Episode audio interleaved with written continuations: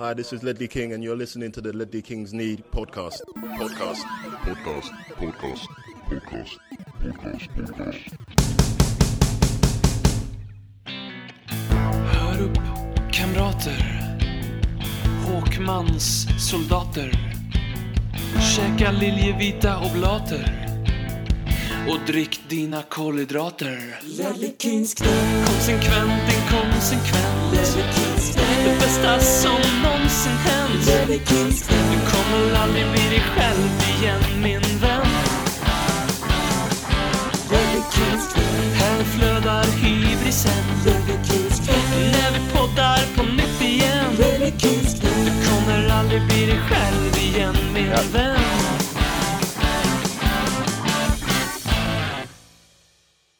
Tre, två, ett.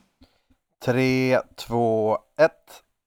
Varmt välkomna till eh, den eh, pubertala hybrispodden med noll känsla för samtid och kontinuitet som är Ledley Kings knä. Jag som pratar är ett eh, vänsterblivet riksmongo som lärt mig nya ord från högskoleprovets facit och Robin heter jag. Med mig ifrån Stockholm har jag på lite molnfri höjd den djupt pretentiösa och ständigt naiva Per Frykebrant. Ja, tack så mycket. Poddens Bagdad Bob, enligt många. Ja, Just det, varför, hur kommer det sig att du är det? Jag vet inte, jag tror att det är för att jag har en eh, liksom ganska sund syn på verkligheten. då, då, får, då får man den typen av epitet bland Tottenham-kretsar. Just det. Eller så har du bara en lite Bagdadig eh, aura, jag vet inte. Ja, det, den positionen är väl ledig nu. Ja, den, den kanske är det. Eh, I den pissigaste trafikstaden som någonsin existerat, där allting är en ordvits, så har jag hittat bajsranden som vägrar städas undan, Jimmy Jonevret. Underbart. Hej, Väl, var, varmt välkommen! tack så mycket, tack. Ja, hur, eh, hur mår ni i, i dessa tider? Ja, nej men alltså. Man känner väl hur livsgnistan börjar liksom sakta men säkert att liksom slockna. Mm. är väl det som är den genomgående känslan den här hösten. Ja, jag, mår, jag mår ändå bättre än när jag var med sist, måste jag säga. Varför då? Ja, Har, vi, har vi vunnit någon match? Ja, en match har vi vunnit. Ja. vi vann ändå in med liksom 5-0. Så det är, Ja, ändå, ja, det är det är, ändå någonting. Gav mig kanske någonting. Och sen någon form av... Nej, vi torskade ju sist, så den är skitsamma. Men ja, bättre än sist, vill jag ändå säga. Vi ska prata lite om det Liverpool-matchen och sen ska vi ju faktiskt prata om vår andra Liverpool-match, nämligen eh, Everton borta som är nu på söndag. Eh, och eh, så ska vi även prata om... eh, Den, den riktiga. Liverpool-matchen. Den riktiga Liverpool-matchen, precis. Sen även då så har vi valt att, prata lite om dokumentären som Amazon nu officiellt har klargjort att de ska sända nästa sommar om Tottenham Hotspur. Eh, sist vi pratade om det så var ju det bara rykten. Eh, sen har vi också ett nytt segment som, som är att vi ska skratta åt vår lillebror Arsenal. Men innan det så skulle jag vilja börja med att be om ursäkt. Ja, det är faktiskt på sin plats. Du har mycket att be om ursäkt för. Jag vet inte riktigt vad, men, men det finns så mycket att välja mellan. Ja, men jag kan ju börja då, sen om du känner att det finns, du, att det finns något mer som jag borde be om ursäkt för så kan du fylla i det. Mm. Eller så kan du liksom uppmana mig till det. Men jag tänkte jag skulle be om ursäkt för eh, förra avsnittet som vi gjorde med den här LCHF-podden, eh, Robin Bylund och Fredrik Eidefors, eh, om, pratade om Liverpool-matchen och i, i, i en del av den podden så, så pratade de illa om Harry Kane. Mm. Och när jag, när jag liksom... Jag var, det tog mig faktiskt, om jag ska vara helt ärlig, lite på sängen att de, de eh, benämnde Harry Kane som en högst medioker fotbollsspelare och, och jag tycker när jag lyssnade på mitt svar så, så, så har jag liksom gått hela den här veckan och känt att nej, eh, jag skulle ha stått upp mer för Harry Kane eh, Ja. än vad jag gjorde. Det var skulle ju- du. Eller hur? Det, det, det har dragit mig väldigt hårt. De, de gick ju på Ehm, och kallade honom för Englands Golden Boy och det skulle jag vilja säga att jag tycker ju självklart är och ska ju han vara Englands Golden Boy. Alltså jag menar, det här landslaget som England har haft alltså, kantat av dåliga förebilder, John Terry, Rio Ferdinand, Wayne Rooney, David Beckham som bara drar på sig skandaler lika lätt som Liverpool får frisparkar på Anfield så tycker jag ju liksom att nu när den här nya Harry Kane kommer eh, som är en perfekt människa och fotbollsspelare på alla sätt så tycker jag det är liksom det mest solklara Golden Boy som England någonsin har eh, producerat. Eh, och, och det var väl egentligen det. Sen så behöver inte jag ens kommentera Eh, fotbollsspelaren Harry Kane, för det vet väl alla och det hoppas jag alla tycker, eh, eh, precis som jag som lyssnar på den här podden, att han väl är världens bästa anfallare, eller vad säger ni? Ja, absolut. Och det tycker jag är verkligen på sin plats att du, att du ber om ursäkt där. För det där ska ingen få säga, få säga ostraffat. Och, och det, var det, det var ju många anledningar, anledningar till varför man mår piss över förlusten mot Liverpool. Men den kanske största orsaken är ju att det inte fick bli Kane som fick liksom sätta segermålet mot dem och verkligen eh, dappa till käften på, på LFC-podden. Mm. Ja, det är bara att instämmas. Det, det fanns ju ett litet hopp där första 45 sekunderna när han gjorde ett eh, klassiskt tap-in, men och, och då genast såg jag framför mig hur vi kunde hetsa vidare på det här och, och liksom eh, lägga ut Robin Bylunds utläggning på Twitter, men det, men det, det känns lite i efterhand som att det var fel väg att gå. Ja, men jag tycker inte att det var en kl- klassisk tap-in. Jag tycker att Jag det är ganska det. svårt mål. Alltså precis som det är när han ligger ner och gör mål mot Eh, vad var det nu igen? Leicester. Eh, Leicester, precis. Eh, det är liksom tekniskt ganska svårt mål. Jag tror inte det är många som klarar av att få in den där i, i, i liksom bortre stolpen. Eh, sådär. Eh, så det där är inget klassiskt tap-in mål. Nej, jag tycker inte heller. Jag tyckte det, så, det var bra gjort alltså. Det, sen, visst, det är öppet mål och den är från kort avstånd, men vad fan. Jag tycker ändå slänger sig fint och ändå orkar trycka till den på något sätt. Mm. Nu går, väl, nu går väl de i taket där och i den andra podden, men det skiter jag faktiskt lite i, för det där är fan svårt gjort. Och framförallt är det här som jag tycker patenterat Harry Kane lite grann som så otroligt många anfallare gör. Det är att man går offside och sen så tar man inte de här två, tre stegen tillbaka till onside för att vara redo på nästa målchans som ibland kommer eller passning som ibland kommer lite oväntat. Det här gör ju Harry Kane hela tiden. Jag har ju tänkt på det, han är ju faktiskt väldigt sällan offside. Mm. Så att, Ja, ehm, nej, men, nej men verkligen. Alltså han, eh, och man ser ju själv att så här, eh, Robertson är väl som står närmast som inte ens reagerar på att han har gjort den skjutningen. Så att, nej, det, att, att Harry Kane är någon form av medelmåtta, det är bara andra supportrars sätt att ursäkta sina egna försvarare. Mm. Bra, då har, jag då har jag liksom tagit bladet för munnen här och bett om ursäkt till alla eh, Spurs-fans där ute för att jag inte stod upp för Harry Kane mer. Nu Vad är det något riktigt konstigt som händer. Vad händer här nu? Vad i helvete är det som händer? Hör ni det här eller? Ja, ja, ja, det, det låter ungefär som att du är under flygattack Jimmy. Vad i helvete är det som händer? Det här kan bli en väldigt bra podd om du liksom tar reda på vad som händer nu. Men vänta, jag måste bara ta av mig luren. Det Ja, nu är det bo- Nu är det, nu är det lugnt ju. Det är ju Ja. nå- det, du har ju en granne som eh, borrar i, en, i någonting. Men alltså det där, var det där Precis i en väggen. borr? Det där var ju bland det sjukaste jag hört. Det lät som att någon var i mitt huvud typ. Fan, vi, kan, vi kanske inte ska snacka så mycket skit om LFC-podden. Vad fan var det där? De är fan överallt den här jävla sekten. Fan vad sjukt. Men ah, ja, vi får väl se om den dyker upp igen då. Vilken jävla grej alltså. Vi provar att gå vidare med Jimmy Jonveter-podden. Vi ska gå till ett segment nu som heter Vi skrattar åt Arsenal. Let's all laugh at Arsenal. They are really shit.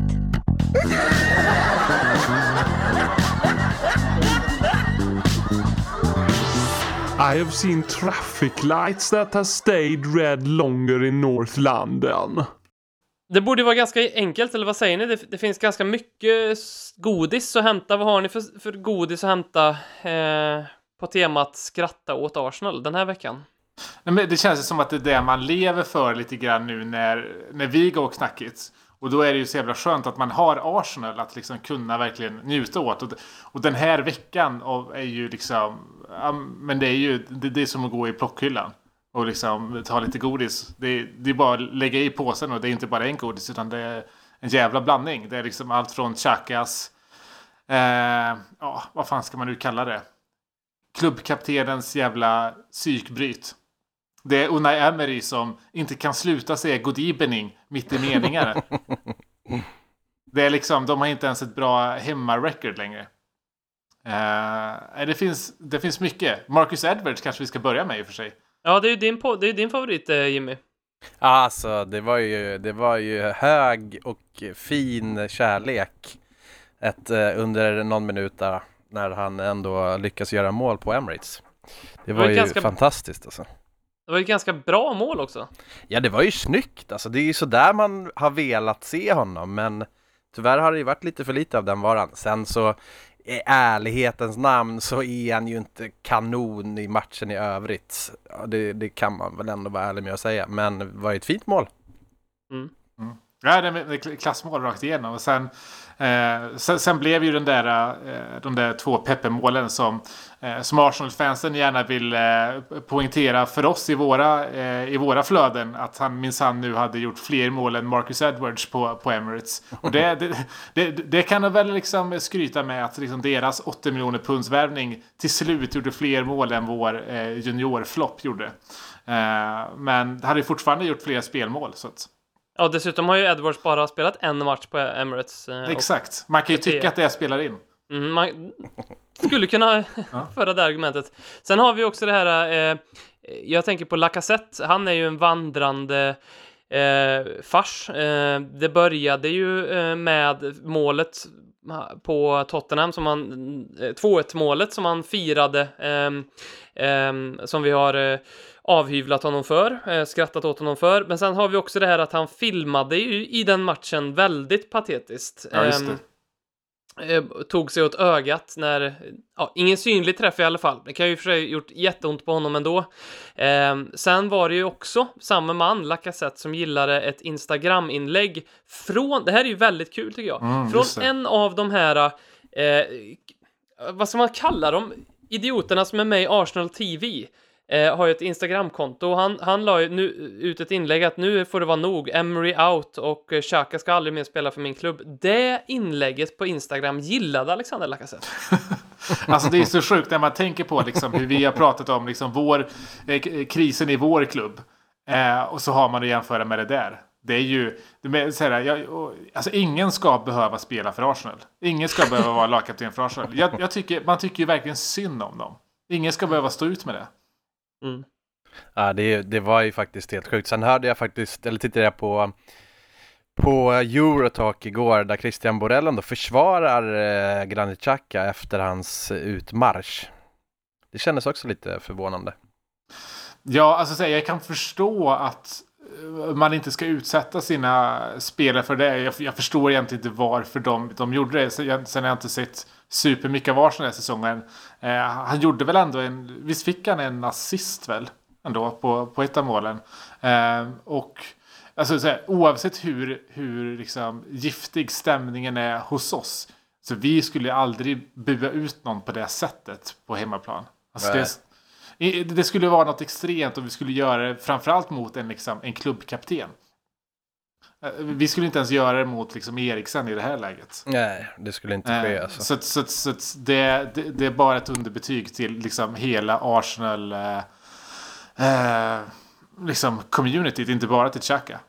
Mm.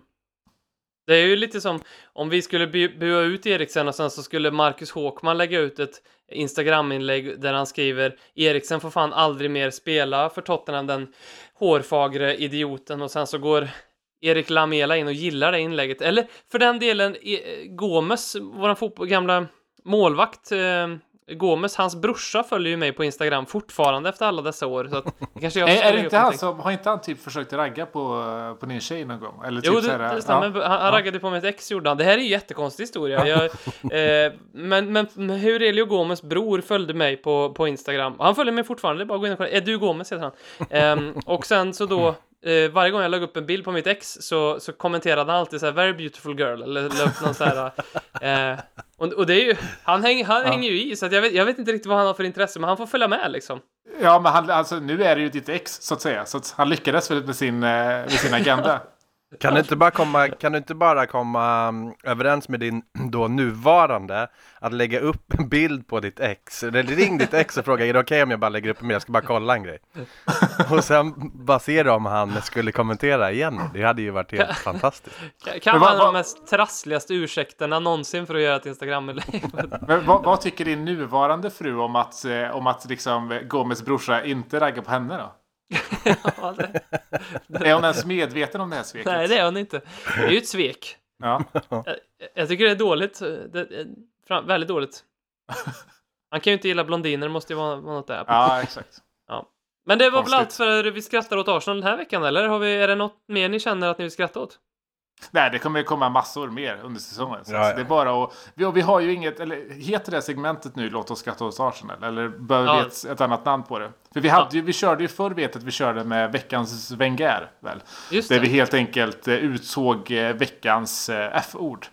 Eh, och, men det här är någonting annat då. Det här är ju Mm. bara skratta. Och det tycker vi om. Ja, absolut. Nominera gärna eh, du som lyssnar på vad vi ska skratta åt. Mm. Nästa vecka i Ledley Kings Snap mot Arsenal. Eh, man kanske också får möjlighet att skratta till, till oss en del när det här eh, dokumentären får, får premiär. När, du än, när det nu än kan bli. Ja, precis. Vi, eh, vi spekulerar ju här, eh, du och jag Jimmy tillsammans med Håkman för ett par avsnitt sen om den här All or Nothing dokumentärserien, om den kommer att komma Tottenhams väg. Och nu är det faktiskt eh, officiellt. De eh, är ju faktiskt, Amazon är ju och filmar, eller produktionsbolaget rättare sagt, är ju och filmar bakom lyckta dörrar överallt just nu. Eh, på Tottenhams träningsanläggning, i omklädningsrummen, eh, på Livetvis, eh, på Livis, eh, i, i Livis styrelserum. Ehm, känns som att det är väldigt mycket glas där. Eh, jag vet inte, jag bara fick en bild i huvudet att det är väldigt mycket glas. Det är glasväggar. Otroligt och, mycket glas. Ja. eh, Glasbord, kanske glasstolar till och med, Livis eh, styrelserum, Ja. jag vet inte. Det är ju Ma- Manchester City, New Zealand All Blacks och ett par NFL-lag har ju haft det här eh, produktionsbolaget efter sig i hasorna tidigare då. Ehm, och det var faktiskt något som jag hade helt missuppfattat att de är faktiskt med oss den här säsongen, vilket är intressant tycker jag. Och dokumentärserien kommer ju nu till sommaren då. Men i och med att det blev officiellt nu, innebär det att de ändå har varit med och filmat hela år, alltså hela, hela denna säsongen så att säga?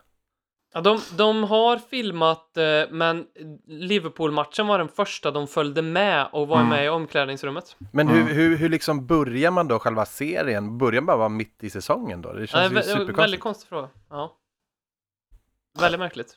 Ja, vi får, vi får väl se exakt hur det ser ut där. Men, men alltså, de var i alla fall på, på plats på, på Anfield och, och spelade in. Liverpool eh, lät dem följa med in i omklädningsrummet. När, när eh, Amazon körde City-dokumentären så när det var eh, United mot City så förbjöd ju United att, eh, för Amazons produktionsbolag att gå in i omklädningsrummet där. Eh, för att de inte ville bidra till en City-hype. Men, men Liverpool tyckte det var helt okej eftersom de vet vad den här dokumentären kommer handla om. Och det är ju vårt förfall. Eh, men, men det här är liksom någon form av så här, säsong två. För den, den heter ju All or Nothing. Och eh, det heter ju även eh, Citys eh, säsong. Eh, eller Citys dokumentär. Och där besvarades frågan ganska tydligt. Det blev ett all. Eh, och den här säsongen kommer då, antar jag, då bli ett nothing. Så svaret där är ganska, ganska tydligt. Däremellan, det, var, det har ju varit en liten... För City-dokumentären, det var ju två säsonger sedan. Och det var ju, tanken var att det skulle vara Liverpool i fjol. Eh, men Klopp sa tvärnej. Och därför blev det ingenting. Eh, och istället så nappade vi på det säsongen senare. De gjorde ju den här istället, Leeds-dokumentären. Den har ju premiär, eller hade ju premiär nu i, i augusti, tror jag. Den heter ju eh, eh, Take Us Home. Eh, och Eh, de tog sig inte hem. Eh, men, men, men den kan man ju, eh, den, den verkar ganska bra inledningsvis. Så den kan man ju titta på. Det här ska man ju komma ihåg, det här är ju Amazon Prime. Så det här är ju inte den här typen av dokumentär som vi såg med Sunderland till exempel. Det är en Netflix, det var en Netflix-dokumentär som, som spelades in av supportrar själva. Det här är ju mycket mer av en liksom, ja men det kommer ju vara exakt som City-dokumentären liksom. Så det blir inte riktigt samma tillgång eh, till, till liksom spelarna, kan väl jag tycka. Så, som, eh, som det var i till exempel Sunderland-dokumentären. Eller tillgå. alltså, det blir inte, man, man är ju inte samma, vad ska jag säga, de är inte samma narrativ kring liksom klubben som helhet utan det blir ju verkligen en amerikansk produktion av det hela. Eh, och ja, vad, vad tycker man egentligen om att man att, att, att det gör sig? Jag vet inte. Man kan väl förhopp, i alla fall hoppas på att det får samma slut som, som Joker-filmen i det att allting bara visar sig vara en dröm. Men utöver det så vet jag inte om, om det finns så många fler fördelar. Spoilade jag Joker-filmen nu förresten? Ja, det gjorde du. Ja. säga. Oj, oj, Fy oj. Alltså, fan! vi, ja, vi får, det är ju ganska det. många personer som Ja, lyssnar på den det här kanske var dumt att ta ett exempel från en film som går på bio nu. Eh, jag ska också säga att det är inte säkert att det var slutet. Det, det är öppen för tolkning. ja, Så det var det för jag usual suspects för mig. Eh, Ja. Och eh, ja, eh, ska jag spoila den? Eller ska jag... ja den, kan, den, kan, den, är, den, är, den är okej att spoila. Det var, det var ett tag sedan jag gick på bion då. Det var ju Kevin Spacey som, som är Kaiser Söze och det, detta visste jag ju långt innan jag såg filmen. Jag, jag bara visste det. Jag visste inte hur, och sen så liksom när jag började se filmen så långsamt så byggdes det upp att oj, vänta lite nu. Hela grejen med den här filmen är att man liksom inte vet vem Kaiser Söze är. Men det vet jag Ja. redan för jag kollade på rollistan och där stod det att Kevin Spacey var Kaiser Söze. Så den var förstört för mig. Nu har jag förstört den förhoppningsvis för någon annan. Att, Ja. eh, Jag ber om ursäkt.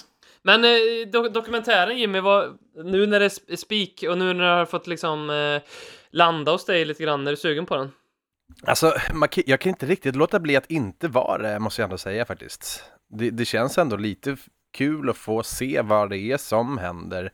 Sen så tycker jag också att det är lite hemskt på ett sätt att man ska blotta sig sådär som man gör. Det är ju det, är ju det som är lite själva, man vill, man vill ju inte veta allt på något sätt. Det känns, jag, jag, jag, jag är tvådelad här alltså, men jag, jag, på, jag, jag måste ju ändå säga att jag ser lite fram emot att se det, eller? det måste jag ändå säga. Alltså man gör det trots att det är liksom en, en förmodligen ganska liksom, eh, liksom cheese room produktion. Så alltså, man behöver tänka tillbaka till förra säsongen. Alltså tänk att ha fått följa med på Ajax borta. Liksom. Att få se den i, i, liksom, i omklädningsrummen efteråt, inför och allt det där. Det hade man ju betalat väldigt mycket pengar för att få, få göra. Och vi vet ju inte vad den här säsongen har att bjuda på. Eh, sen så tycker jag att, att göra som Klopp, att bara säga rakt nej, det, det är ju det klokaste beslutet egentligen. Jag, vet, jag tror Bill Nick sa själv att när de hängde med och skrev The Glory Days, att han själv kände att han inte liksom kunde säga det han ville till, till spelarna alla gånger. Eh, och det är klart, den, den, eh, den effekten kan det nog ha.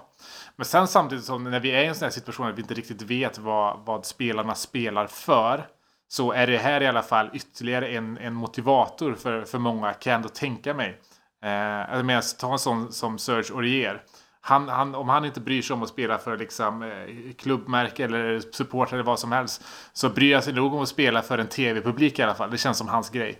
Så att eh, det, förhoppningsvis kan det bidra till det. Men fan, jag, jag är lik, jag, alltså, man har ju någon form av negativ inställning per definition. Men det är klart det ska bli kul som fan att se på det. Ja. Mm. Pochettino sa ju också i en, en presskonferens här att eh, han jämförde med den här boken som eh, kom ut om honom för eh, några år sedan här, eh, som där Gillen Ballard var med eh, en inte, jag vet inte om han var med en hel säsong riktigt, men eh, väldigt länge i alla fall och den är ju väldigt utlämnande. Eh, och han, han jämförde den med det lite på som ger en liten hint om hur pass bra fit Pochettino är för livet egentligen, därför att Pochettino säger ju typ att ja, eh, det här var klubbens beslut och det var bara att acceptera eh, och hänga med på. Eh, det är klart att vi blev lite oroliga när vi fick höra att vi skulle filma det här. Ehm, och, och så. Sen så, det som gör mig lite konfunderad är att någonting jag börjar haka upp mig på är det här med Pochettinos lite faktiskt nu hatar att säga det, men ursäkter. Jag har börjat lägga märke till att han, han kommer med lite ursäkter för saker. Och jag, jag, jag vill inte sitta i, när vi stänger böckerna för nästa säsong eh, och lyssna på Pochettino där han säger 'What's a tough season, of obviously we have the cameras around us all the time”. Eh, eh, det vill jag liksom... Jag hoppas inte att det kommer användas som en ursäkt. Nej, verkligen. Alltså, som du säger, Pock verkar leta lite ursäkter lite överallt och det här kan nog absolut vara en av dem. Eh, men det är, det är väl ganska tydligt att det här är liksom ett, ett liv i beslut rakt igenom. Jag tror inte att Pock har haft så mycket att säga till om. Det, och det, alltså jag förstår det ur ett kommersiellt perspektiv till 100%. Dels får man väl, de har inte gått ut med någon liksom summa som man får med det. Men jag, jag, jag tippar och jag har hört att det skulle väl ligga runt 10 miljoner pund. Men, men det är inte där det handlar om, utan det handlar om att så här, exponera Tottenham inför den amerikanska publiken. Eh, och vi ska ju komma ihåg också att så här, vi har ju inte sålt namnrättigheterna till, till arenan än. Eh, och att liksom kunna kungöra det eh, i en dokumentär mot den amerikanska marknaden som man vill exponera sig för.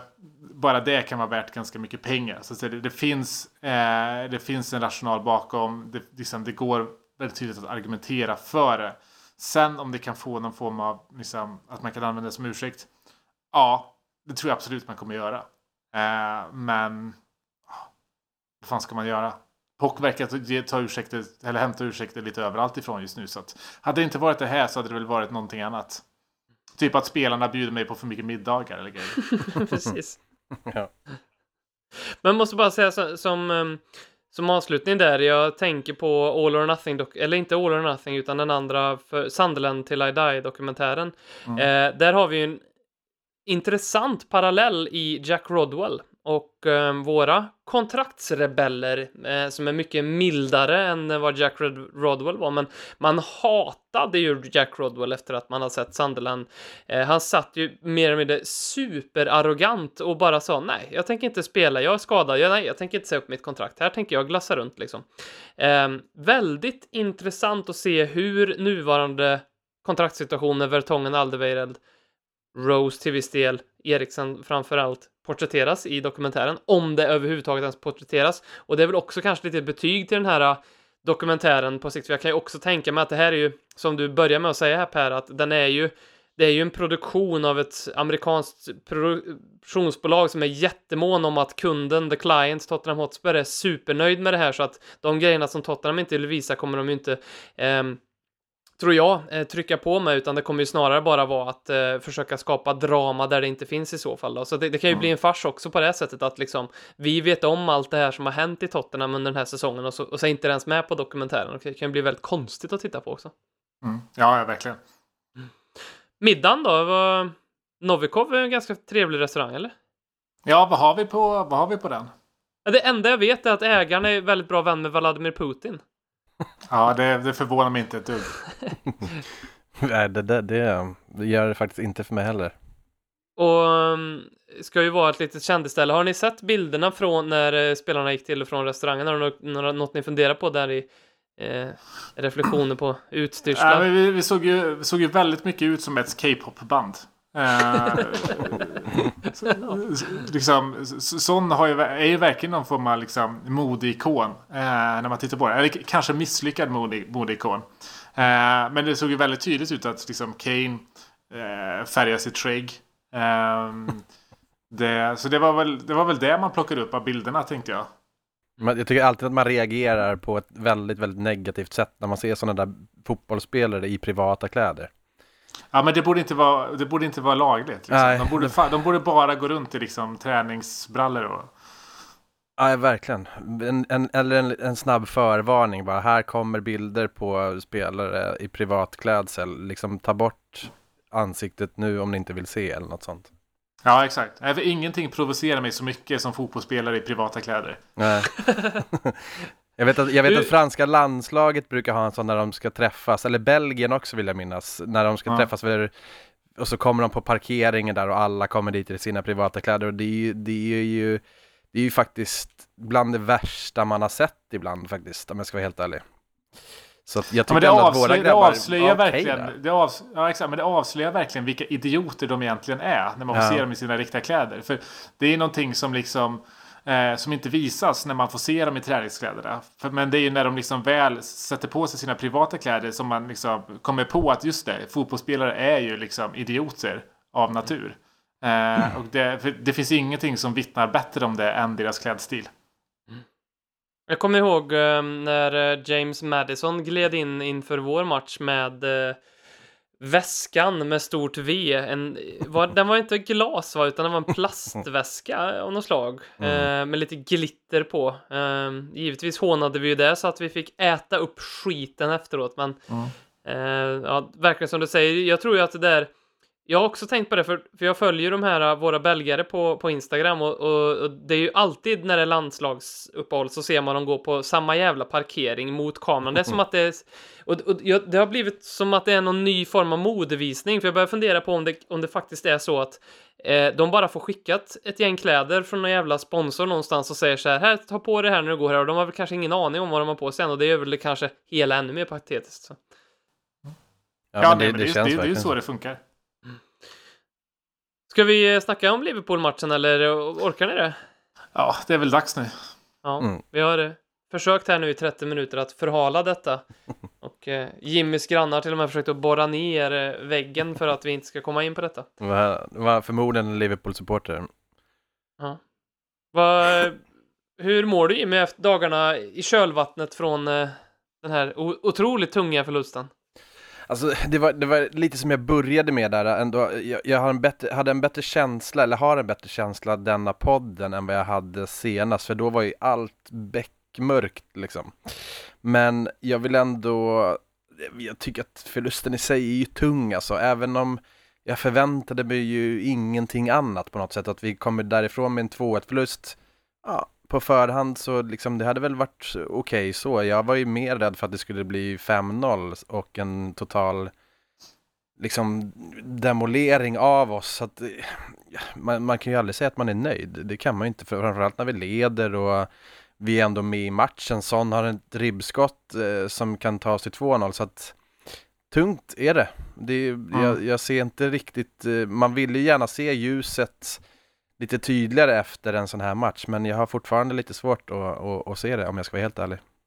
Ja, absolut. Alltså, hade, hade ni frågat mig för en vecka sedan, jag tror jag också sa det, alltså, vad, vad vill jag ut av den här veckan? Så är det så här, en klar seger mot, eh, mot Röda Stjärnan och en hedersam förlust mot Liverpool. Och sen kan vi liksom börja långsamt klättra upp ur den här krisen. Och det, var ju, det var ju exakt det vi fick. Men med liksom facit i hand så kan man ju inte vara, vara nöjd med det. Men, men om man liksom får, får smälta det lite grann så är det ändå så att efter den här veckan vi vi börjar ju ändå klättra upp ur det här krishålet eh, långsamt och sakta men säkert. Eh, för, för det är ju som, eh, som Jim är inne på, att liksom, vi är ju ett ribbskott från, eh, från 2-0. Vi hade en möjlighet från Ali som hade kunnat vara 2-0 innan där. Eh, så att Eh, alltså jag, ty jag, tycker vi, eh, jag tycker vi står upp bra. Det har varit, varit ganska mycket prat eh, under veckan. Jag vet att många i, i, i vår podd också som tycker att liksom, vi ska fan inte vara liksom, stå här och vara nöjda med, med en förlust. Att det är liksom bevis på en så här, eh, små, det är småklubbsmentalitet. Men jag, jag, tycker inte det. Alltså, är det någonting som jag vill ge Pock cred för den här säsongen så är det att vi har en helt annan approach till våra liksom, stormatcher på bortaplan. Det har varit ganska lika de här matcherna mot City, Arsenal och Liverpool borta. Och vi, eh, vi, vi, har gjort det svårt för motståndarna. Vi har legat på, vi har legat på kontringar. Och är det någonting som, är det någonstans där Liverpool är, liksom, har brister så är det att liksom, kunna hantera ett kontringsspel. Är det någonting de är svaga i så är det att deras ytterbackar står alldeles för högt upp och deras eh, mitt, eh, mittbackar är alldeles för långsamma för att kunna hantera ett kontringsspel. Och det var det vi försökte liksom, utnyttja dem kring. Och det lyckades vi med i, i mångt och mycket. Och hade Son satt den 2-0 eller Delali så vi fått med oss tre poäng. Och då hade vi suttit där. Det hade varit fem poäng upp till fjärde plats. Vi hade precis slagit typ världens bästa lag på bortaplan. Och det mesta hade varit frid och fröjd nu. Nu, nu är det inte så, utan nu får vi liksom se det på något sätt att så här, det, det var ett nästan resultat. Det är lite så här, um, det känns ju som att vi under den här säsongen borde byta eh, borde byta motto. Jag, jag, tog upp det här, jag var tvungen att kolla. Vi har ju liksom to dare is to do. Eh, och där est facere. Och nu tänker jag då att vi kan byta det till fere satis est. Vilket då är almost is enough. Eh, så det, det, det blir liksom det Tottenham för den här säsongen. Det blir kanske namnet på dokumentären också till slut. Eh, Jävligt många svanktatueringar som ryker nu tror jag. ja, ja, men vi har ju ganska många. Det här blir ju något nytt som Håkman kan sätta på, på sin arm också. Eh, men Alltså är, är det någonting som man eh, alltså, tycker på förhand om man kollar startelvan så tyckte jag inte att det fanns så mycket att anmärka på egentligen. Sen var det ju utfallet, eller snarare hur vi agerade när matchen, när vi såg hur, hur det liksom, det, hur, hur den startelvan mottogs i matchen som, eh, som det blev uppenbart att, att Pock inte är, har aldrig varit och kommer nog aldrig att bli en proaktiv tränare. Han är och förblir en reaktiv tränare. Och det kostar oss väldigt många resultat eh, under åren och det gjorde det även den här helgen. Vad menar du med uh, proaktivitet? Hur, på vilket sätt kan han vara mer proaktiv då? Men han är ju han är ju känd för att göra byten alldeles för sent. Och det finns, det finns inget egenvärde egentligen i att liksom göra byten för tidigt. Det gör inte.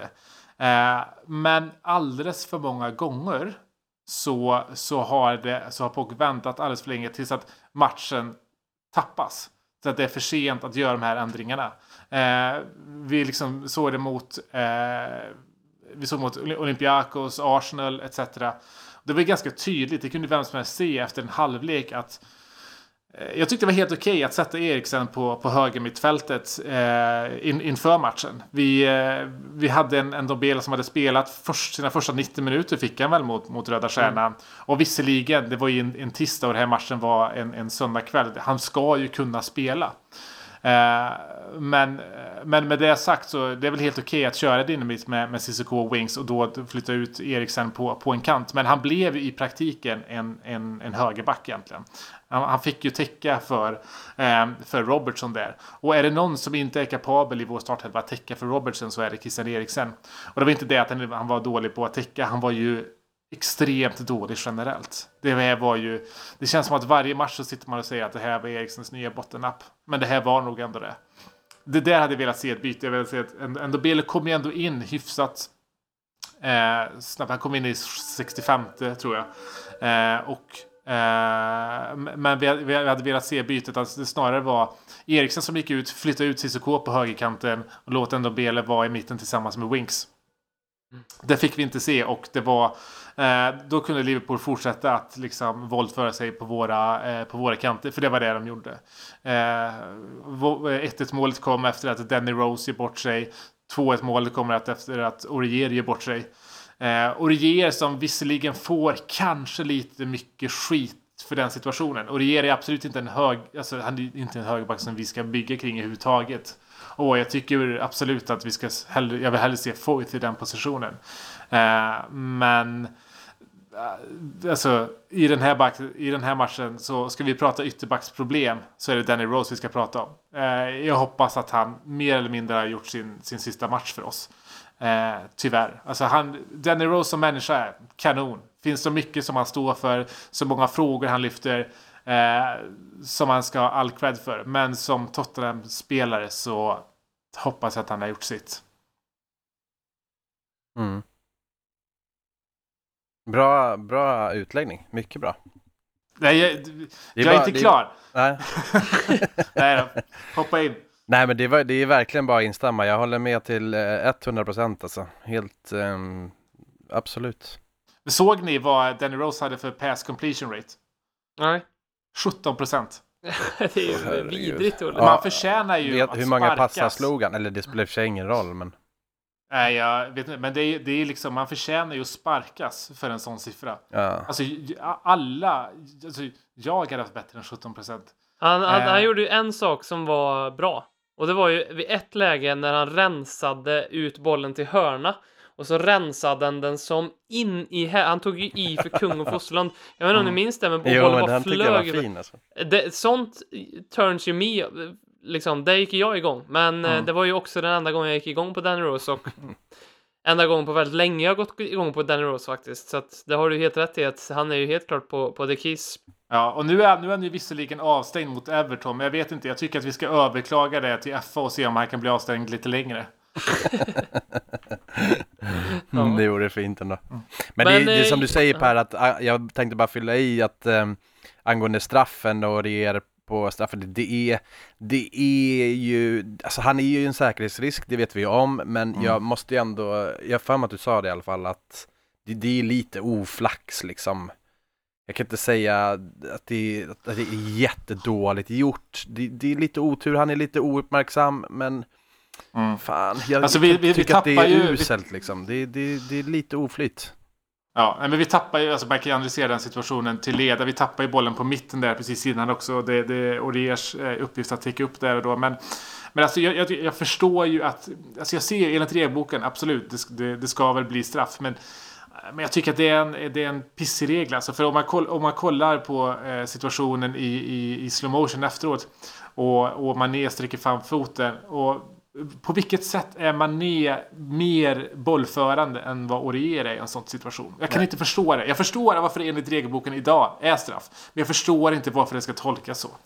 Enda, det var, mitt hopp låg ju på att domaren skulle se att det var Orier som var bollförare, för det var han väl ändå. Han, det var han som bröt passningen, det var han som Ja. skulle slå undan den. Man är, sätter in ett ben och så kommer straffen till. Så att det är som du säger, straff, det är väl straff liksom. Det är att jag bara försöker tänka om någon hade gjort något liknande på, på våran spelare i Liverpool straffområde. Det hade man blivit vansinnig om man inte hade fått den. Så att, ja, jag vet fan. Är det oförsvarbart som Jonas Schrevelius skriver eh, att ta ut Christian Eriksson ens? Eh, ja, i nuläget ja. Ja, absolut. Eh, alltså, som sagt, jag, jag kan förstå att, att, att han fick starta. För att säga, vi har en, en, en väldigt bred trupp nu, men i, i i, den här omgången så hade vi inte så många valmöjligheter. Alltså Lamela gick på sin... sin eh, La, Lamela, nu gick jag tillbaka till vår gamla Lamela. Mm. La, Lamela fick sin, eh, fick sin skada där och det är klart att vi ser Lo Celso som en naturlig Eriksson-ersättare. Frågan är om man är kapabel till att spela på kanten och med, med, med den uppgiften, ganska tydliga uppgiften som Eriksson hade med att vara mer eller mindre en en andra högerback. Eh, jag tycker ju att det hade varit mycket rimligare att, att köra Cissoko på kanten och ha in eh, en Nombele i mitten. Eh, jag vet inte riktigt vad det hade gjort med oss för vår liksom, sårbarhet där. Men jag tror inte att det hade kunnat bli så mycket sämre. För vi, vi, vi vann ju bara 40% av alla dueller. Eh, så att liksom, det kunde inte ha blivit så jävla mycket sämre i alla fall i mitten. Nej, för det, det tänkte jag också på, för det är många som har beskyllt sig på Twitter över Ports laguttagningar 1, sena byten 2, taktik 3. Och det köper jag ju för att någonstans så är det ju väldigt konkreta saker att mäta honom på. Men om man liksom bara ska tänka bort vad är egentligen problemet så även om det är bättre till den här matchen så tycker jag det stora problemet är inställningen som spelarna går ut med. För att, att vinna närkampsdueller, det är, tycker jag är kanske det tydligaste beviset på någonstans vart eh, kämpaglöden finns eller inte finns i ett lag. Eh, och där, där skulle jag, just i det läget vi befinner oss nu i Tottenham, så tycker jag det är mycket mer relevant att eh, fråga Pochettino varför överhuvudtaget ta ut Christian Eriksen när han inte vill spela snarare än varför spelar han här eller där eller varför har vi den här taktiken i den här matchen? För nu handlar det ju bara om att vi måste få tillbaka momentumet. Mm. Ted Ström är inne på att det behövs ett annat flow i spelet för att det ska funka för en Dombele. Ska han, du, du snuddar vid det här nu Per, men ska han spela kanske mer som en tia? Alltså han, han är ju ingen tia. Jag vet, jag vet att han, han testades lite grann i den positionen i, i, under sin första säsong i Lyon. Men flyttades ju ganska snabbt ner till att vara en åtta. Så att säga, han är ju inte en tia. Han är inte inköpt som en tia.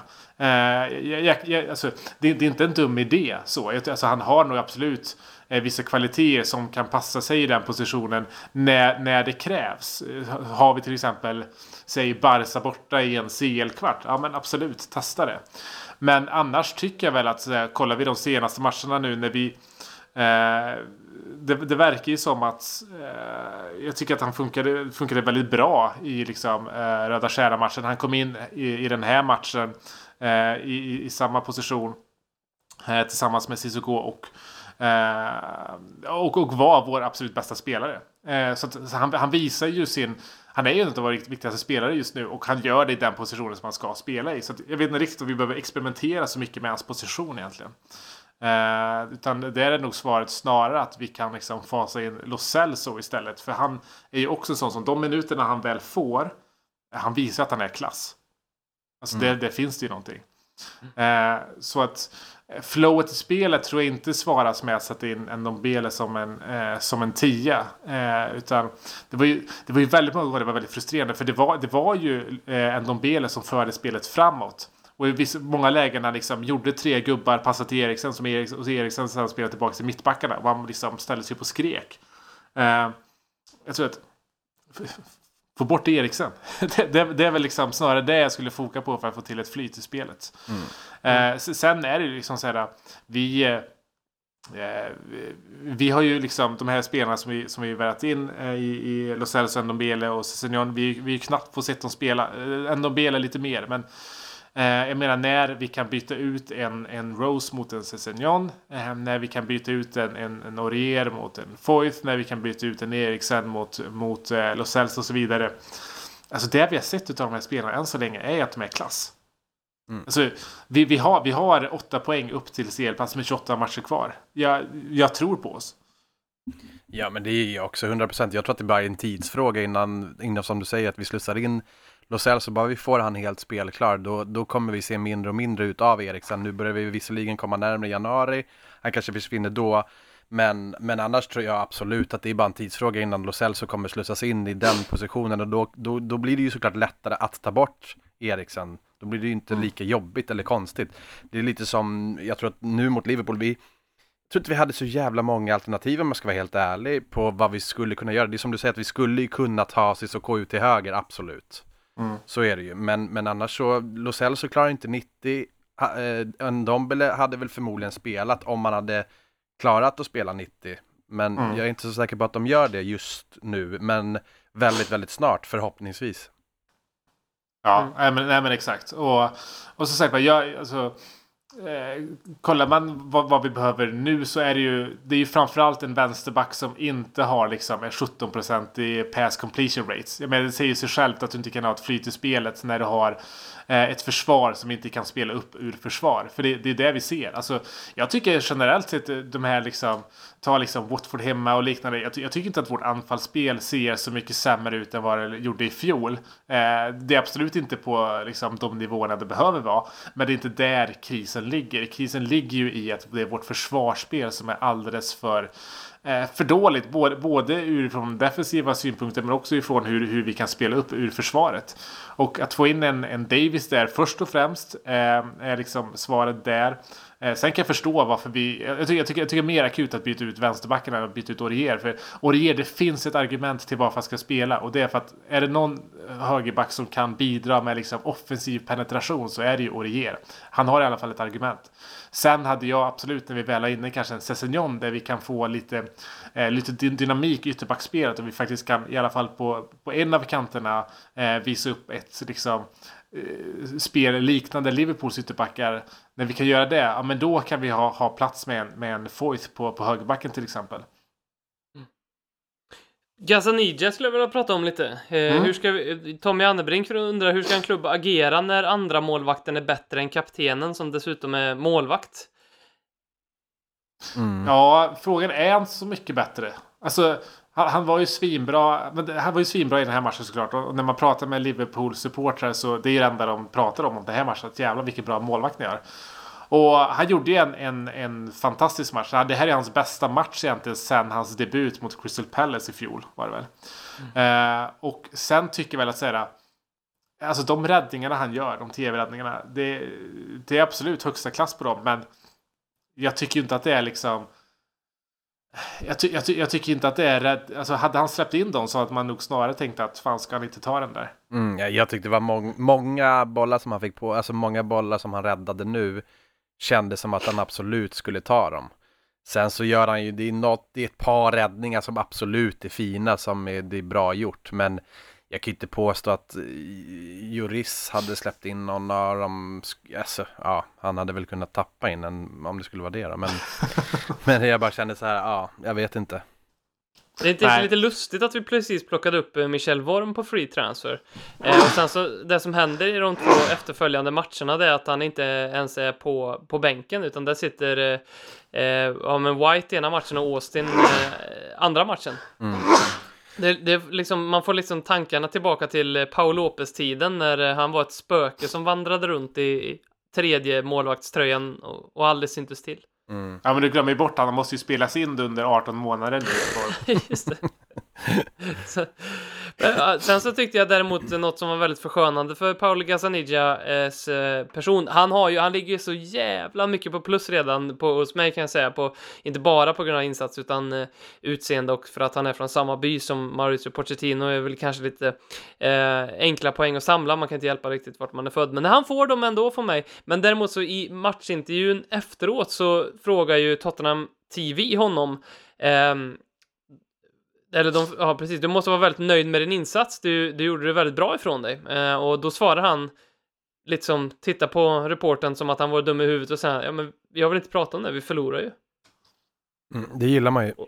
Man gillar det. Simon, Ja. Finne, Simon Finne ställer frågan här på Twitter, skulle Hugo Lloris göra samma sak? Ja, det, Jag tror, eh, uppe i 11 nysningar just nu tror jag. Jag vet inte vad jag ska göra. det är, Ja. äh, men jag vet inte om, jag vet inte hur Joris hade svarat på det där, men det var ju väldigt fint att han sa så, för det är ändå så, det, det måste ju någonstans vara där fokus ska ligga, alltså det är ju bedrövligt att vi torskar liksom, då, då ska inte han stå där och prata om sig själv, det kan vi ju möjligtvis Aurier hålla sig till. Skulle Hugo Lloris gjort det? Jag vet inte. Hur är, hur är han egentligen? Kanske efter ett glas vin? Eller, eller sju? Ja. Ja, det, det är det han behöver.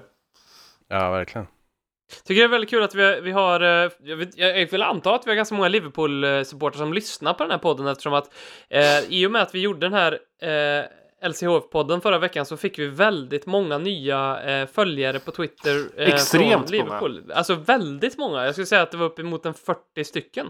Ja. Eh, och det, väldigt många frågor från de här eh, Liverpool-supportrarna som överlag får man väl ändå säga håller sig på en ganska bra nivå. Sen är det några som har totalt eh, eh, ballat ur och, eh, på, på Twitter och visat upp sin fula sida, vilket vi egentligen bara tycker är ganska kul. Eh, men en av dem är ju Matt the Unbearable, eh, som, som undrar eh, mycket relevant fråga också tycker jag. Eh, vart är Alice Grit? Eh, nej men jag tycker om man ska sålla in Ali i liksom den här gruppen av spelare som inte har kommit upp i maxnivå. Eller maxnivå i liksom rimlig nivå än. Så är väl han den som går att argumentera för att han faktiskt är på väg ur den dåliga formen. Jag tycker att han liksom steg för steg eh, börjar visa upp sitt, eh, in, inte riktiga jag, men, men någonting som påminner om det. det. Han är absolut inte samma kategori som liksom Eriksen eller Rose i att ha, ha tappat det helt. Utan så här, det, det, det, det, finns, eh, det finns ljusglimtar i Alis spel. Sen, sen blir han alldeles för alldeles för isolerad i den här typen av matcher som är Liverpool. Det, det ser jag absolut. Han, han är en sån spelare som inte ska tänka så mycket. Alltså han ska inte få så mycket tid på sig. Ju mer tid han har med bollen, ju sämre blir det. Han ska ju bara agera i stunden. Det är då han är som bäst. Och det... Eh, jag vet inte. K- kanske börjar han mer och mer hitta tillbaka. Jag tycker mig i alla fall se de tendenserna i spelet. När, när var han skadad egentligen? Alltså hur länge sedan, hur många matcher har han kommit, varit tillbaks efter skada så att säga? Ja, men det det är ju, inte han, har början- varit, han har varit tillbaka i, i, eh, i en månad, lite drygt nu i alla fall. Så att, Det, det, för då känns det ju verkligen som att det är på tiden att liksom börja hitta tillbaks till någonting. Det, så här, hur länge kan man skylla på att man har varit skadad? Jag menar, hur, hur, hur jävla mycket tappar man? Alltså visst, om du är borta ett år, absolut, men om, om du är borta en månad eller två, du, du kan liksom inte tappa. Det är så, har ju vissa stunder sett ut som man har tappat allting på något sätt. Men, men Jag jag, kan- jag vet inte. Jag tror att han är en, jag tror att han är väldigt mycket momentumspelare. Det är liksom, vi, vi pratade om det förra veckan också, att han måste vart är den här bad boy-grejen? Ja, men den kommer nog i takt med att han eh, blir, eh, hittar tillbaka till sin form Mm. också. För att han, han lever lite grann på det. Ehm, och så, så trissar de där grejerna upp varann liksom. Eh, jag tror att det, där har du liksom om det är någon spelare som är raka motsatsen till Granit Xhaka så är det ju Dele Alli på det viset att skulle Tottenham-fansen bua ut honom så skulle han troligtvis göra den bästa matchen i sin karriär. Ja, 100 procent. ja, helt klart. Det, jag håller, det där är verkligen spot on tror jag. Om han bara blir bra så då, eller hittar någon form, någon typ av form så kommer han bara ösa på sen efter det. 100% och då kommer han bli lite jävlig mot spelarna också. Låta han tunnla någon och så kommer det bli liksom solsken igen. Så det är jag helt övertygad om. För ett par veckor sedan så är jag för mig att jag skrev i våran gemensamma chattgrupp att jag var, jag var ganska säker på att Ali var en av de här som eh, want away-spelarna för att jag blir så enormt provocerad av hans kroppsspråk och jag tänkte det under många gånger under Röda Stjärnan-matchen faktiskt. Även fast vi spelar bra, vi gör mål, men du vet han bara, det ser ut som att han hänger med huvudet, han, han blir förbannad, han inte får en passning, han, det ser ut som att han jag vet inte, det provocerar mig något fruktansvärt faktiskt. Nu har jag tänkt på det väldigt mycket, ungefär som att jag tänkte på att Kieran Trippier var världens sämsta högback förra året. Och då blir det ju bara värre på något sätt. Men det är någonting som stör mig faktiskt. Han har en profetia att uppfylla hos dig med andra ord. Ja, Men verkligen. han har, han har ju det där resting bitch facet som även Vertongen hade i början av sin karriär hos oss. Att man gick runt och tänkte varför hatar han att spela här? Mm. Eh, men han tvättade ju bort det där bitch facet efter ett tag. Förlåt, jag måste gå och snyta mig. Ja, tar- blir otroligt sjuk här nu de senaste minuterna Per. Ja. Vi, det är väldigt mycket som händer i periferin i den här podcasten. Ja, det är Eh, otroligt avsnitt ändå. Vad eh, tänker du om eh, Everton-matchen? Alltså, det här, den blir ju så jävla viktig den här matchen på något sätt. Alltså, den är ju, nu kändes det som att fan, kom igen nu, låt det vända nu efter Röda Stjärnan-matchen. Eh, Liverpool-matchen var lite så här som Per sa också, att en hedersam förlust, ta det absolut, men nu måste vi ju upp på, på hästen igen efter Röda Stjärnan-matchen så sett, så att ehm, det, det, den är jävligt viktig alltså, så, så är det ju alltså. Det- Det känns lite obekvämt också tycker jag att det är på bortaplan. Nu är det här liksom eh, jinx, eh, jinxarnas jinx lite grann, men Mm. eh, de är ju i extremt dålig form. Ja, Eh, men, det, men det känns ju fortfarande väldigt ja, obekvämt att behöva ja, åka tillbaka till Liverpool och spela mot Everton. Ja, för jag, jag tycker också det. Mar, mardrömsmatch på, på ett sätt. Så visst, det är klart att vi hade kunnat möta ett betydligt bättre lag så sett. Men, men jag håller helt med. En jobb, obekväm match att behöva ta sig an nu direkt när vi någonstans verkligen skulle behöva vinna. För att det här eh, torsk nu, då, då, hamnar, då är vi tillbaks innan Röda Stjärnan-matchen igen känns det som. Då är det ju två raka ligatorsk och så är det allt skit igen liksom. Mm. Men har Everton varit så dåliga? Alltså jag har, sett, Alltså, jag, har sett, jag har sett väldigt lite av dem om jag ska vara ärlig. Jag har sett någon på grund av jag vet inte om de har mött något lag som man ha- hade hoppats att Everton skulle vinna. Men, men, men jag har sett väldigt lite av dem, så jag, har- jag har inget att säga där riktigt om jag ska vara ärlig.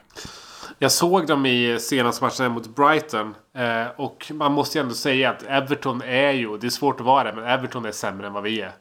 Eh, det, ja. ja. Ja, verkligen. Alltså, I alla avseenden också. Men om, man- om man liksom är lite så här fantasy Premier League-intresserad så vet man ju liksom hur bra en, en sån som Digne gjorde i början på säsongen. Han är ju liksom en, en skugga av den, den Lucas Digne. Eh, jag kan inte se att de... De tror jag inte kan vända på den här skutan som de är i nu. Eh, det här kommer sluta i sparken för, för Marco Silva. Och förmodligen är det väl vi som kanske då sätter spiken i hans kista. Men alltså jag, jag förstår inte hur han inte kan ha fått sparken redan. Alltså om man tittar på det transferfönstret som ändå Everton har gjort. När man eh, på för, alltså när man liksom började fundera på okej, men hur kommer de ställa upp i år? Så bara föll bit på bit på plats med, Ja. med de värmarna de har gjort. Och sen så har de liksom nu senast ja, torska mot Brighton, torska mot Burnley, de har torskat mot City, vilket var väl kanske ganska väntat. Hemma mot Sheffield United, eh, he, eh, borta mot Bournemouth för den delen. Det är ju hemma, eh, borta mot Aston Villa. Det är ju, ja, det är ju inte bra. Nej, men det är väl just det transferfönstret som också är anledningen till varför han fortfarande är kvar. Alltså, Everton gjorde ju en stor gambling med, eh, med Marco Silva. Man ska ju inte glömma bort att de, de köpte ju väl loss Marco Silva. Eh, så det, det här är en stor liksom hedersgrej, stolthetsgrej. Att säga, gör man sig av med honom nu, då har man ju bränt liksom 250-300 miljoner pund på honom. Mm. Eh, och det är ingen liksom, lätt utgiftspost att, att, eh, att ursäkta för, eh, för Everton. För det här är ju verkligen... Eh, Everton är ju den klubben av alla som har satsat mest. Och att ge upp här och nu, eh, att hitta en ny tränare till det eh, till det här Marcus Silva-laget som det faktiskt är. Han är ju i princip bara till ett helt nytt lag. Det är väl inte, det är väl inte helt lätt. Och jag kan inte säga på raka, rak arm att så här, vilken tränare skulle, skulle Everton kunna få nu som är bättre än Marco Silva? Eh, de kommer inte kunna konkurrera med en sån som Allegri till exempel. Eh, kommer de kunna konkurrera, eller kommer de kunna ta en sån som Mourinho? Nej, troligtvis inte. David Moyes är tillgänglig igen va? Ja, det, det, det skulle vara, det hade varit i och för sig varit ganska fint att se faktiskt. Ja. Det hade det varit helt otänkbart egentligen.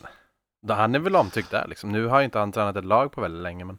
Hans förtroendekapital måste ju vara så extremt lågt. Han har ju liksom, allt han har rört vid har ju blivit bajs. Ja, Ja. Ja. Var han i Spanien efter United? Ja, det var han. ja, det han var Real ja. Sociedad Ja, va? just det. Det är helt overkligt att han har varit där faktiskt. Ja. Nej men jag, jag, jag, kan, se, jag kan ändå se, vem, alltså, vem skulle kunna vara, alltså på riktigt, en sån som Tim Sherwood. Ja. Alltså, absolut kunna ta det- Chris, alltså- är Chris Hewton ledig? Skulle väl vara en ganska bra Eh, Det matchning. Ja, det, det, det borde han vara. Ja. Ja, det hade ju faktiskt varit en bra... Eh, det är väl typ det bästa de kan hoppas på. Man älskar Ja, ju det är, quiz, inte, så det är inte mycket högre än så de kan räkna med, det tror jag inte. Men det här är ju verkligen en match om liksom vem som ska få överleva. För eh, åker vi på ja, men då, då... eh, Nu har vi väl på något sätt eh, börjat lämna den här ska få sparken debatten. Den, den är inte helt över, men liksom... Eh, det är inte samma liksom, intensitet i den. Eh, vi har ju ett gäng ganska winnable matcher nu framåt. Vi har liksom vi har nu Everton borta, vi har Sheffield United hemma. Eh, vi har liksom West Ham och Bournemouth sen. Så att vi, vi är på väg in mot att säga, eh, vi skulle kunna arbeta upp ett ganska bra record efter, eh, efter den här Liverpool-matchen nu. Eh, Everton har väl också ett ganska liksom, tufft schema framför sig. De har väl bara spelat mot City, var de stora. Mm. Så det är, eh, det, det, är väl mer liksom någonting att förlora för Marco Silva. Men, men det är ju verkligen en, en dödens match. Ändå. Mm. På något sätt. Tänkte på det, vi har, vi har United också ganska snart och det är borta. Mm. Eh, då har ju vi mött Leicester, City, Arsenal, Liverpool, United på bortaplan. Mm. Eh, och har dem kvar att spela i, när säsongen vänder sen, när förhoppningsvis vår form har vänt också, vilket jag bara slog mig nu kan vara lite solskenshistoria, framförallt för dokumentären. Kanske för säsongen för ja, nej, men, också. Ja, men verkligen, det ska man inte glömma bort. Att så här, vi har ju absolut det, alltså det tuffaste liksom, höstschemat av, av alla våra konkurrenter. Och nu, jag, jag vet att jag inte direkt tvättar bort min stämpel som Bagdad Bob Eh, Eh, när jag säger de här sakerna. Men, eh, men det är absolut en ursäkt. Ta liksom Leicester. Vi ska ju vinna mot eh, Leicester den matchen. Egentligen hade den varit hemma så hade vi nog vunnit den. Och då hade det inte varit ett avstånd på, på åtta poäng upp till Leicester på fjärdeplatsen. Utan då hade det varit två poäng till exempel. Eh, så det finns ju de liksom förmildrande omständigheterna. Sen är det absolut liksom ett, ett långt race kvar för att ta den där fjärdeplatsen. Om, om fjärdeplatsen i år kommer kräva ungefär samma poäng som det brukar göra så kommer vi behöva ligga på ett poängsnitt på 2,3 per match. Eh, det är väldigt högt. Det är liksom, eh, eh det liksom titelutmanar högt i liksom poängsnitt. Jag tror inte att det kommer krävas de höga summorna för en fjärde plats eh, i år. Jag tror att det kommer krävas mycket lägre än vad det brukar göra. Och då kommer det förmodligen krävas ett poängsnitt på runt liksom två, lite drygt två pinnar per match. Och det, det är ju en vanlig liksom, topp 4-form för oss. Och det, det, det har vi absolut potential att klara av framåt. Ja, det, jag har inget tvekan om att vi kommer, eller skulle kunna klara av det. Vi, det är viktigt också nu att vi inte bara hamnar, vi får inte hamna för långt efter nu bara för att det är som du säger också, det, det är tufft att ligga på det poängsnittet in i mål. Men sen att vi också har dem hemma, visserligen absolut, men, men, men det blir inte idel vinster mot de topp, vilka nu vi mm. räknar in där. Det, det kommer ju bli något kryss, det kommer ju med all sannolikhet bli någon förlust och så vi, vi får ju liksom inte tappa poäng för mycket mot de här sämre lagen då. Alltså, nu är ju Everton otroligt dålig form, men normalt sett är ju det en jävligt tuff bortamatch liksom, så att Absolut, mm. men det, det, får inte bli för stort avstånd. Liksom. Ja, men vi, vi vann med 6-2 förra, så att säga. Ja, på något sätt det. är det väl ändå liksom vår ground. Mm. Eh, och eh, det skulle vara så jävla välkommet att liksom få, få, få ett sånt resultat nu. Mm. Eh, och som sagt jag, jag vet inte om det är bra eller dåligt att möta dem nu. Eh, men de, har, de är som sagt de är i ett mycket mer prekärt läge än vad, än, än vad vi är egentligen. Eh, för, för dem är det verkligen på, på liv och död den här matchen. De kommer ju på riktigt att vara liksom, i nedflyttningsstriden under den här säsongen om det här fortsätter. Mm. Mm. Ja, det, det, mm. det, det, gör det ju hela egentligen lite otäckt också för att någonstans så känns det som att Everton är lite för bra för att ligga där de är. Så att någonstans måste det ju också vända för dem likt som det ska vända för oss egentligen. Mm. Då är det ju bara en fråga, mm. när ska den vända? Alltså det, känns ju lite obehagligt att båda måste vända trenden nu liksom. Så att mm. det, det, blir en rysare på så sätt. Sen så är ju vi bättre än Everton så att vi ska ju absolut kunna vinna en sån här match, men det är, det jag tycker, ja, det är otäck match alltså, fan. Mm. Ja, och de har ju, nu, är, nu kan vi liksom säga Colchester-matchen kanske blir en liten blessing in disguise. Everton har ju Watford nu ikväll. Eh, Medan vi kan få liksom en vecka av att bara ladda upp och foka på den här matchen. Det är väl, det är väl någonting att kunna ta med oss in, eh, in i den. Att vi har vi kanske lite bättre förberedelser. Eh, vi har liksom eh, den här snöpliga, alltså det är mycket hellre gå in och liksom eh, ha, har knappt förlorat. Eh, ändå hyfsat hedersamt mot, eh, mot Liverpool snarare än att göra det på det sättet som, eh, som Everton gjorde. Vilket också var, det var ju liksom ingen utskåpning mot Brighton så som det var för oss. Vi fick ju mer stryk mot Brighton än vad de fick. Eh, men det var lite mer snöpligare i det att de tappade verkligen i, i, i slutsekunderna. Mm. så eh, Nej men vad fan, jag, jag, jag tror på som sagt. Och, eh, Rose borta, in, med- in med Davis istället. Vilket såg ut att fungera jävligt bra mot, eh, mot Röda Stjärnan hemma. Eh, förmodligen inte en, en, en skadad Lamela utan eh, vi kan ha in en Lamela istället för en Eriksen. Och, och, och sen så såklart vår allra bästa spelare Ndombele från start igen. Ska vi avrunda med eh, lite lyssnarfrågor? Ja då. Absolut. Kör på.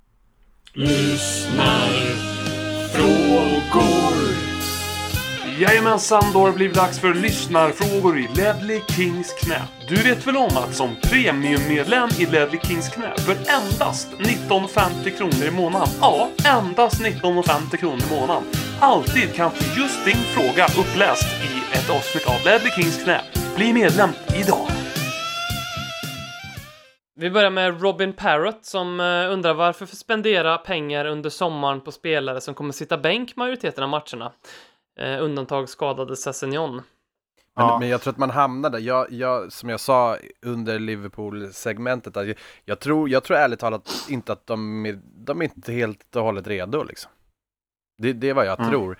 S- Sen så, ja, jag, jag är inte helt, jag kan inte säga att jag är hundra på det, men, men jag tror inte att de är helt redo för att matchas fullt ut liksom.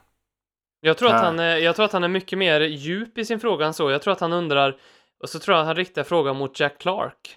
Därför att Sessignon har varit skadad, det vet ju alla. Lo Celso har varit skadad, det vet ju också alla. Och Ndombele har ju, eh, kom ju till oss med, med och behövde eh, bli av med ett par kilo. Och sen Jack Clark, han, han sitter ju för fan inte ens på bänken eller då, då och då på bänken i Leeds. Mm. Mm. Nej men det, alltså det finns ju någonting med Pock att han inte alls är bra på att inkorporera spelare, att integrera dem när de kommer. Och det gäller för sig inte bara spelare när de kommer, utan ta alla de som eh, har liksom haft något form av avbräck i början av säsongen. Eh, Davis, Dyer eh, och liknande. De, de är ju inte igång än och vi är liksom inne i november nu. Eh, så det, det, han har ju alldeles för höga krav på att integreras i ett lag. Det är, det, är, det är inte hållbart på sikt. Jag menar, ta liksom... Eh, du kan räkna in Foyth i den, i den skaran också. Han, han får ju förtroende att spela från start för Argentina. Men är inte att göra det för, för Tottenham ännu. Så eh, jag vet inte. Det där, det där är ju någonting som Pock måste rannsaka sig själv. För att, eh, ja, men ta med Lo Celso. Egentligen är det ett lån. Och nu har det ju gått halva säsongen snart. Liksom, Ja. rent, rent kalendermässigt i alla fall. Så att, eh, jag kommer inte ihåg vad vi betalade för det lånet. Men det var väl en eh, 15 miljoner pund i alla fall. Eh, nej, inte riktigt. Men, eh, men, men det, där, är- det där är ju inte långsiktigt hållbart. Nej. Eh, och Men det är ju så här, vad det- händer om vi värvar en spelare i januari då? då liksom? ska, ska han då vara tank, tänkt till nästa säsong då? Eller det är som du säger, det, det är ju alldeles för lång tid liksom. Framförallt Mm. jag tänkt att vad händer, eh, vad händer om Pochettino går och ehm, det, kommer Lo Celso överhu- överhuvudtaget spela för Tottenham nästa säsong? Alltså finns det inte en möjlighet att vi liksom väljer att inte köpa loss han? Eh, nej, alltså så här, det hänger ju på oss. Det hänger ju inte på honom. Alltså vi har ju Nu är ju liksom eh, dealen som så att om vi går till Europa så är det ett måste. Annars så är det en option. Eh, och alltså, jag kan inte se att vi inte skulle aktivera den optionen även om vi inte tar oss till, eh, till Europa. För vi, så här, vi har lagt upp den här dealen som att vi betalar jävligt mycket i en låndeal. Eh, så det vore bara dålig business att, att inte göra det. Eh, och, och, och, och Lo Celso har ju inte valet att kunna tacka nej. Jag kommer ta upp något väldigt obekvämt nu. Och nej. Eh, det är Simon Finne som har delat en video under tiden vi spelar in här. Det är eh, en video från eh, ett konto som heter Castle of the Cop. Det är alltså ett Liverpool-konto. Mm. Det är Mohamed Salah som går av plan och in i spelartunneln efter eh, matchen mot Tottenham. Mm. Och där möter han eh, ingen annan än Giovanni Lo Celso. Mhm. Och där har Giovanni Lo Celso stått och väntat för att byta tröja med Salah. Nej.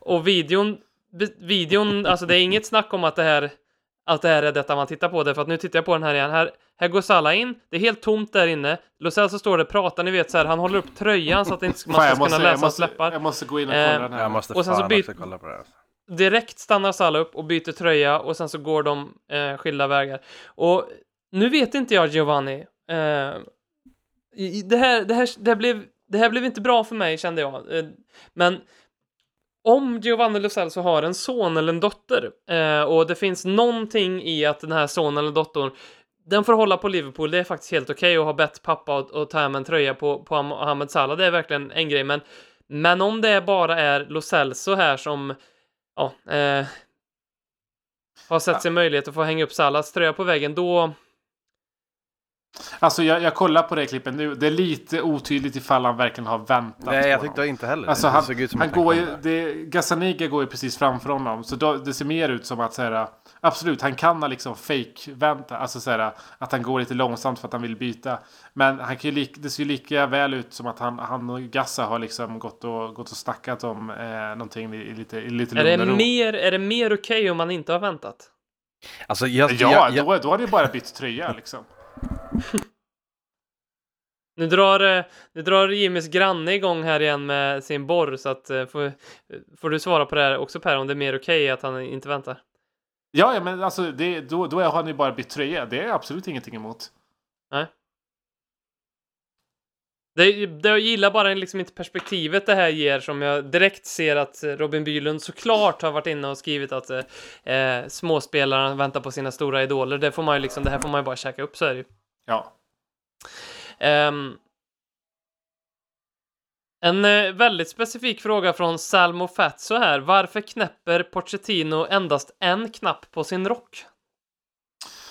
Nej, men det är väl det här liksom så här, fotbolls, eh, eh fotbollsmodet är att inte ha koll på modet överhuvudtaget som vi inledde det här avsnittet med. Eh, jag tror att många som inte har koll på, på modet, de tror ju att det är, det är snyggt att köra bara en knapp. Och eh, är man fotbollsspelare så har man inte koll på modet, har man inte koll på modet så kör man bara en knapp och tycker att det är snyggt. I, det här med knappa en knapp. Jag eh, såg på um, Så mycket bättre eh, i lördags och eh, eh, då var Jason Timbuktu där. Jag, jag lägger väldigt sällan märke till sådana saker. Då kom ju Jason Timbuktu i en sån här overshirt. Eh, s- Som jag har- har blivit otroligt svag för. Jag har köpt typ så här 6-7 stycken overshirts den senaste tiden. Och då kom Timbuktu och hade knäppt bara översta knappen i på overshirten. För, för den som verkligen är finsmakare här kan gå in och kolla på det här för att jämföra då med hur Pochettino har satt upp det här. Och då tyckte jag att det var snyggt, så att så har jag gått i veckan. Därför tyckte jag det var väldigt Men, vänta, roligt. vänta, vänta. Du hur, hur, hade du knäppt den sa? Jag förstod inte. Jag, jag knäppte bara översta knappen på overshirten och så är det öppet sen.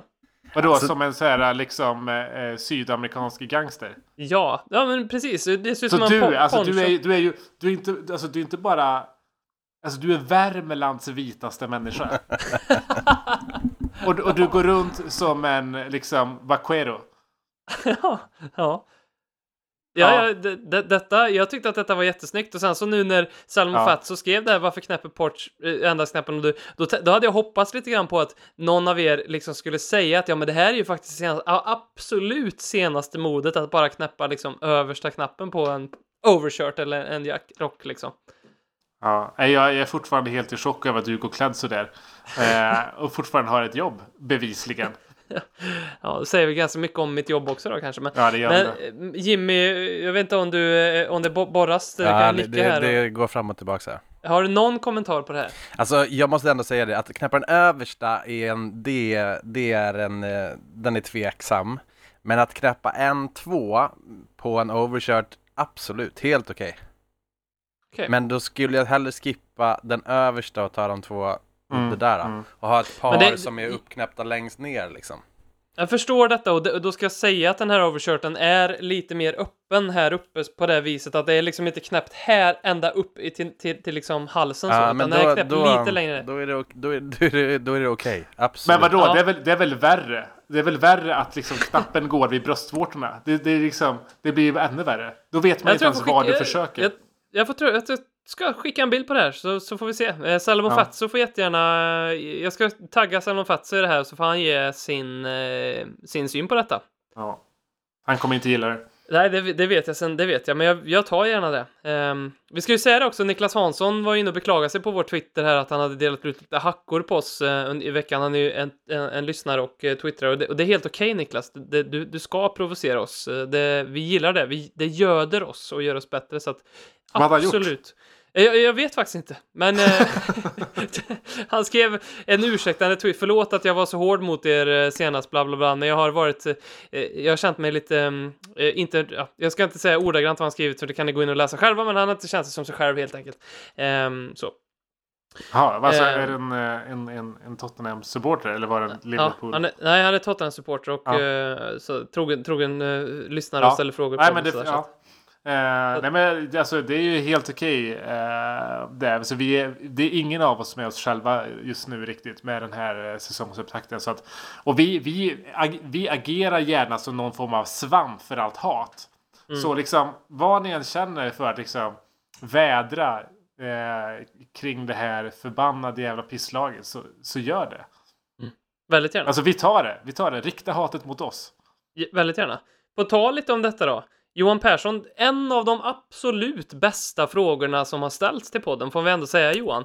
Vilka skulle vara minst önskade att ha som kändissupporters till Tottenham?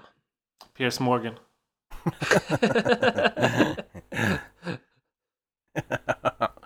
jag, jag kan inte komma på någon annan. Ja, men vi har ju en väldigt bra rooster här alltså. Vi har ju Stefan Löfven, Dogge Doggelito, givetvis Erik Niva, Simon Bank. Sen har vi snygg Jude Law, vi har ju snygg Joel Kinnaman. Som alla, jag tycker ju Tottenham kanske går i bräschen lite för det här med kändissupporterskap. Ehm, och då, då har jag tänkt lite så här, men vi, vem skulle jag verkligen inte vilja... Då, då, då landade jag i Alexander Pärleros.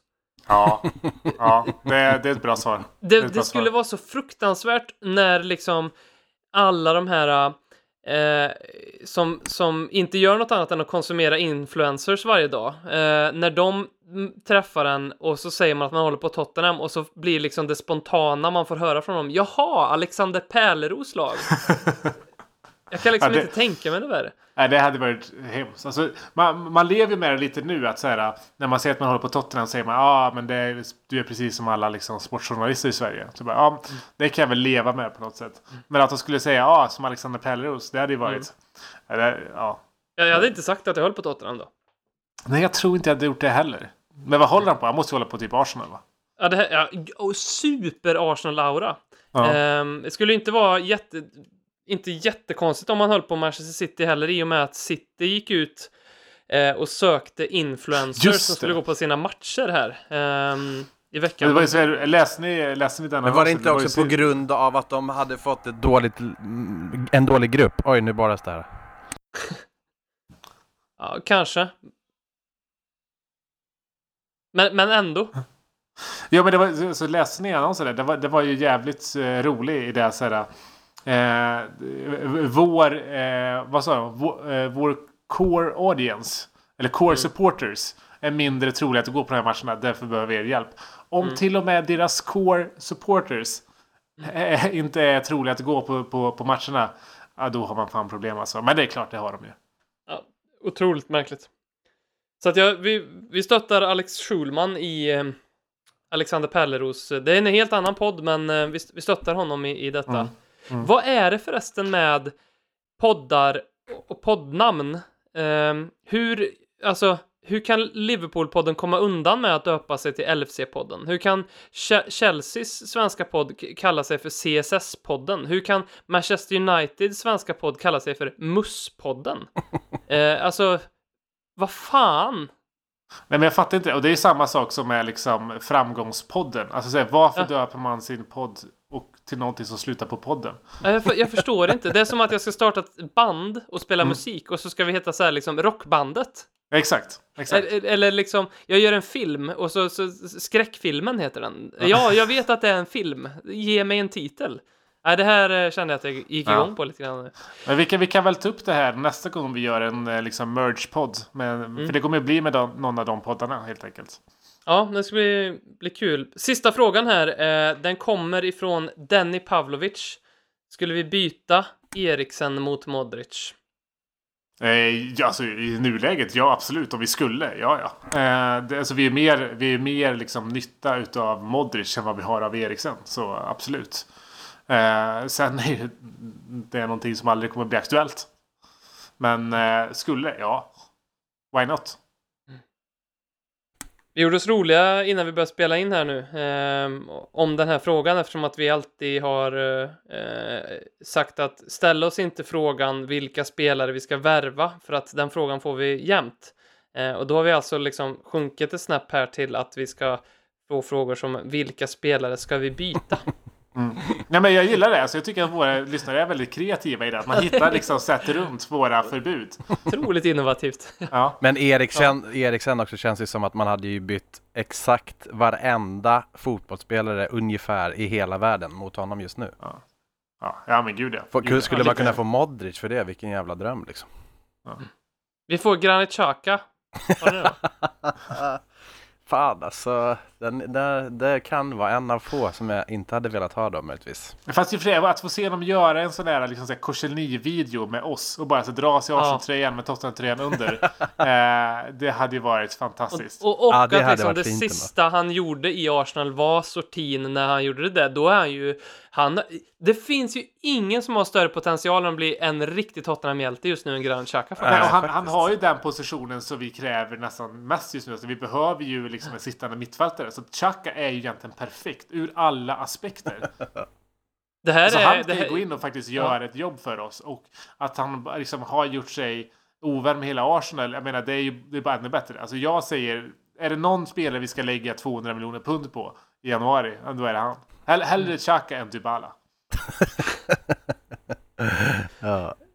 Jag tycker det blev fantastiska slutord på en eh, väldigt underhållande podd. Eh, hoppas att eh, det har gått eh, bra att lyssna på trots att eh, eh, vi fick lite borrning i väggen. Vi fick eh, ungefär, alltså jag har aldrig hört någon nysa så otroligt många gånger på så kort tid som, som du gjorde här Per på Ja, men jag har ju det, det handikappet. Jag har fått det. Alltså så jag nyser konstant. Eh, jag har också utvecklat någon form av nötallergi tror jag. Eh, jag vet inte, min kropp börjar stänga av. Men det är väl den här säsongsupptakten som bara liksom sätter konstiga spår. Alltså. Det är jättealarmerande alltså utveckla nötallergi. Det är, Ja. det är Kan man hemskt. göra det? Jag vet inte. Men nu har jag gjort det. Jag, jag vet inte om jag ska göra lyssnarna uppmärksamma på det här, men jag tyckte mig höra, jag vet inte vart den kom ifrån, men en, en glassbil under någons Ja. utlägg. Det hörde jag också. Det det? var, det var, det var, det var här. Ja, det var det. Ja, det var det. Ja, det var, det var många störningsmoment idag. Alltså. Extremt många störningsmoment. Men eh, ändå väldigt bra jobbat och tack så mycket eh, Per och Jimmy. tack själv. Tusen tack. Konsekvent, inkonsekvent Det bästa som någonsin hänt Du kommer aldrig bli